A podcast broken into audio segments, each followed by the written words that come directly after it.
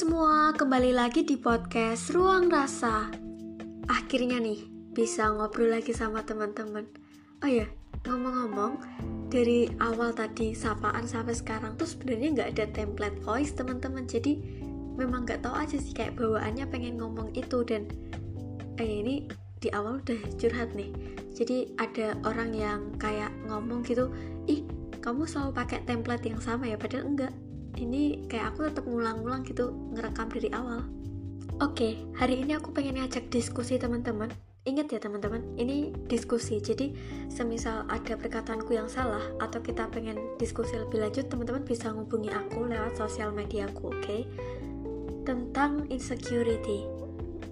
Di umur 20-an, aku rasa kalian gak asing nih perihal insecurity, mengingat umur 20-an ini ada yang lagi apa ya kerja jadi mahasiswa terus ada yang mungkin sudah bekerja juga di mana kita sudah dipertemukan dengan orang-orang yang baru orang-orang di luar keluarga yang sering kali kita pikir wah grade-nya lebih tinggi nih dan gue masih di dasar-dasar aja. Dan itu sering kali membuat kita lupa diri bahkan kita terjebak dalam rasa malu yang berlebihan, rasa minder atau insecurity jujur teman-teman aku sendiri juga pernah sih kayak insecure gitu sempet. Tapi jujur lagi gak begitu lama gitu aku insecure-nya. Dan gimana sih caraku buat untuk apa ya keluar dari zona insecurity? Oh iya catatan sih. Sebenarnya lama atau sebentar tuh kayak setiap orang berbeda juga. Cuma ya aku rasa sih aku cukup lama juga sih untuk bisa keluar dari insecurity itu. Karena aku seorang perempuan, seorang cewek nih, mungkin pendengar podcast Ruang Rasa yang cewek pernah ngerasain insecure tentang penampilan gitu. Wah, dia kok cantik banget ya? Wah, cantiknya natural nih, sedangkan gue harus pakai filter, harus perawatan, harus maskeran gitu kan. Terus atau pernah nggak sih buat kalian yang cewek nih, apa jangan-jangan aku doang nih yang kayak pernah ada di situasi di mana karena kita cewek nih kan kalau misalnya di masyarakat tuh lebih terkesan anak cewek itu rajin kan. Nah otomatis lebih pinter juga kebanyakan. Tiba-tiba kita ada di circle di mana ketemu seorang cowok laki-laki yang notabene nya mereka tuh lebih pintar daripada kita kan. Kayak sempet bikin kaget gitu dan di situlah titik insecureku gitu teman-teman selain dalam hal penampilan terus juga hal ini juga gitu. Oh iya perihal yang terakhir tadi tuh kayaknya aku rasa gak cuma aku doang sih karena itu terjadi sekitar 2 tahun yang lalu sebelum masuk kuliah sih. Dan kayak teman-temanku tuh juga kayak ih kok bisa ya? Dia cowok bisa sepinter itu gitu. Dan seperti yang kita ketahui apabila seseorang itu sudah jatuh dalam insecurity pasti ada di fase-fase yang buruk, susah untuk bangkit, kehilangan motivasi, kehilangan arah bahkan. Cara yang aku tempuh sih untuk apa ya melawan insecurity ini yang pertama aku ingat-ingat lagi teman-teman. Kayak apa ya aku iya sih misalnya nih kayak si A itu orangnya perfect banget. Tapi aku ingat-ingat lagi bahwa tidak ada manusia yang sempurna.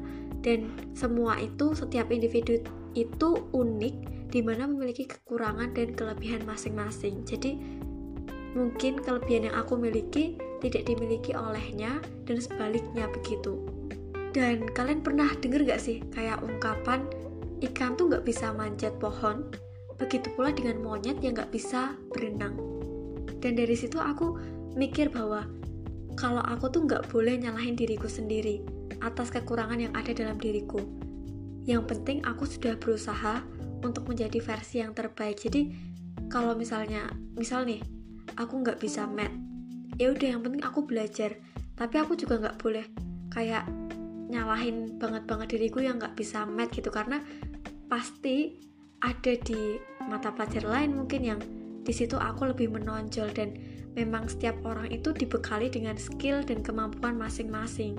Jadi buat teman-teman yang insecure mulai sekarang stop buat nyalahin diri sendiri, stop bilang kalau kalian itu buruk.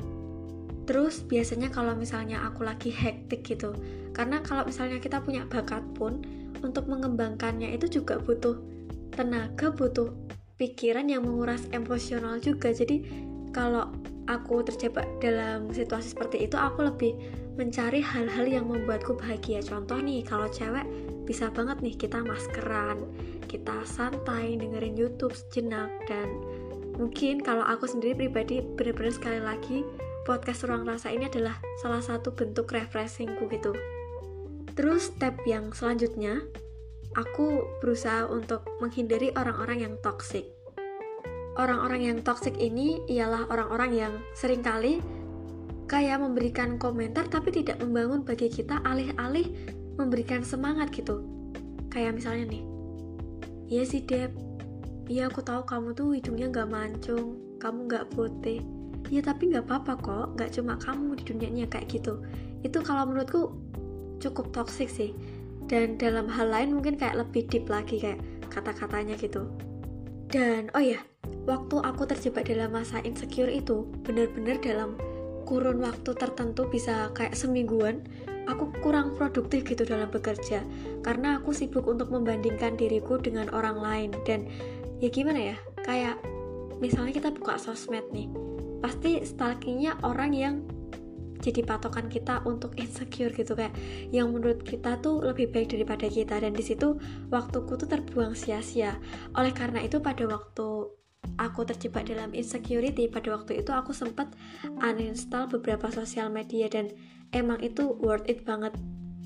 Di mana setelah aku menghapus sosial media itu sembari aku melakukan introspeksi diri kayak refleksi diri dan tentu saja aku mendekatkan diri lagi sama Tuhan terus juga sama keluarga karena keluarga itu juga bisa jadi sebagai ya kayak memang gitu loh kayak memang perantara Tuhan bagi kita bahwa kita itu berharga. Kita itu semua sama di mata Tuhan. Kita sama-sama berharga dan kita diciptakan seturut dengan citranya gambarannya. Jadi tidak ada manusia di sini yang jelek.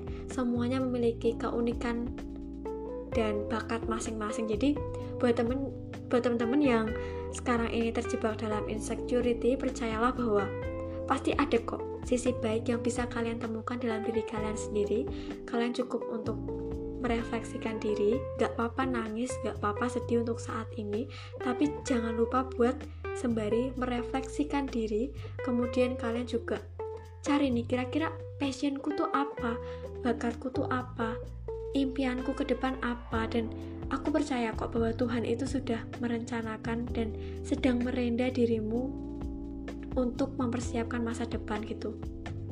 Dan dengan adanya insecurity ini, ke depannya teman-teman kayak semakin bisa kuat mental gitu menghadapi dunia kerja kalau menurutku sih seperti itu. Jangan lupa untuk selalu bersyukur dan ingat ya teman-teman bunga yang ada di taman itu tidak mekar secara bersamaan. Demikian pula dengan manusia kita punya jam terbangnya sendiri. Semua akan indah pada waktunya. Percayalah Tuhan akan memberikan yang terbaik bagimu. Tuhan tidak akan membiarkanmu jatuh dan terpuruk Oke, kayaknya ini aja deh yang bakal aku obrolin hari ini. Terima kasih buat teman-teman yang sudah setia mendengarkan. Kritik, saran, dan masukan yang membangun akan saya terima dengan senang hati. Terima kasih, see you.